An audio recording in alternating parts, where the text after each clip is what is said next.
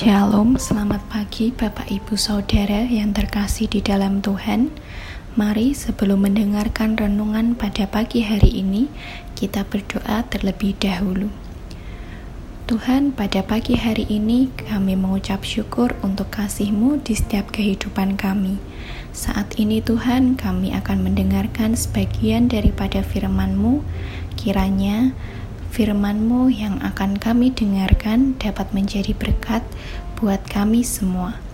Siapkan setiap hati kami supaya kami menjadi pendengar yang baik dan dapat menerima firman-Mu yang akan hendak kami dengarkan. Terima kasih Tuhan, kami siap mendengarkan firman-Mu hanya di dalam nama Tuhan Yesus. Haleluya. Amin. Nats renungan pada pagi hari ini terambil dari Matius 6 ayat 1 sampai 4 dengan judul Lakukan kebaikan dengan tulus. Ingatlah, jangan kamu melakukan kewajiban agamamu di hadapan orang supaya dilihat mereka. Karena jika demikian, kamu tidak beroleh upah dari Bapamu yang di surga. Matius 6 ayat 1 Pemberian sedekah merupakan salah satu kewajiban agama yang sudah mengakar dalam masyarakat Yahudi. Semua orang yang tidak tergolong miskin memiliki kewajiban untuk memberikan sedekah. Itulah sebabnya dalam teks kita hari ini, Tuhan Yesus tidak membahas tentang apakah sedekah perlu diberikan, melainkan bagaimana memberi sedekah yang baik. Tuhan Yesus sendiri dengan tegas menyebutkan bahwa kita jangan melakukan kewajiban agama kita agar dilihat orang dan dipuji orang. Tuhan Yesus memberi contoh, yaitu orang-orang munafik yang ingin memberikan sedekah lalu mencanangkannya, mengucapkan niatnya itu dengan suara keras agar didengar orang lain di rumah ibadat dan di lorong-lorong agar mereka dipuji orang. Tuhan Yesus mengatakan bahwa ketika orang lain memuji kita karena apa yang kita lakukan, maka sesungguhnya itulah upah kita, yaitu pujian dari orang lain. Sebagai kontras terhadap apa yang dilakukan oleh para ahli Taurat dan golongan Farisi yang munafik, Tuhan Yesus mengajarkan dua hal penting.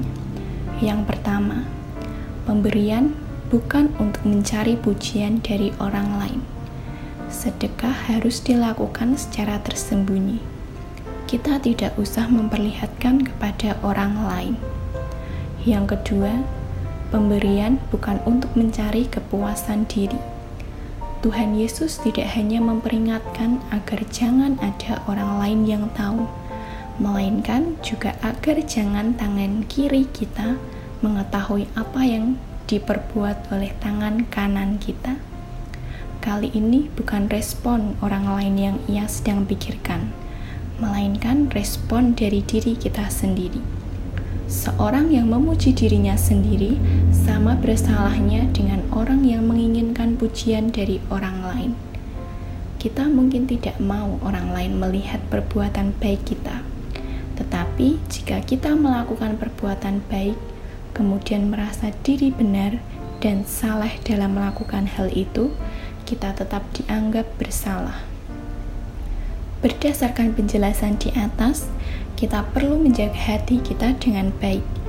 Sebisa mungkin, setiap pemberian tidak usah diketahui oleh orang lain.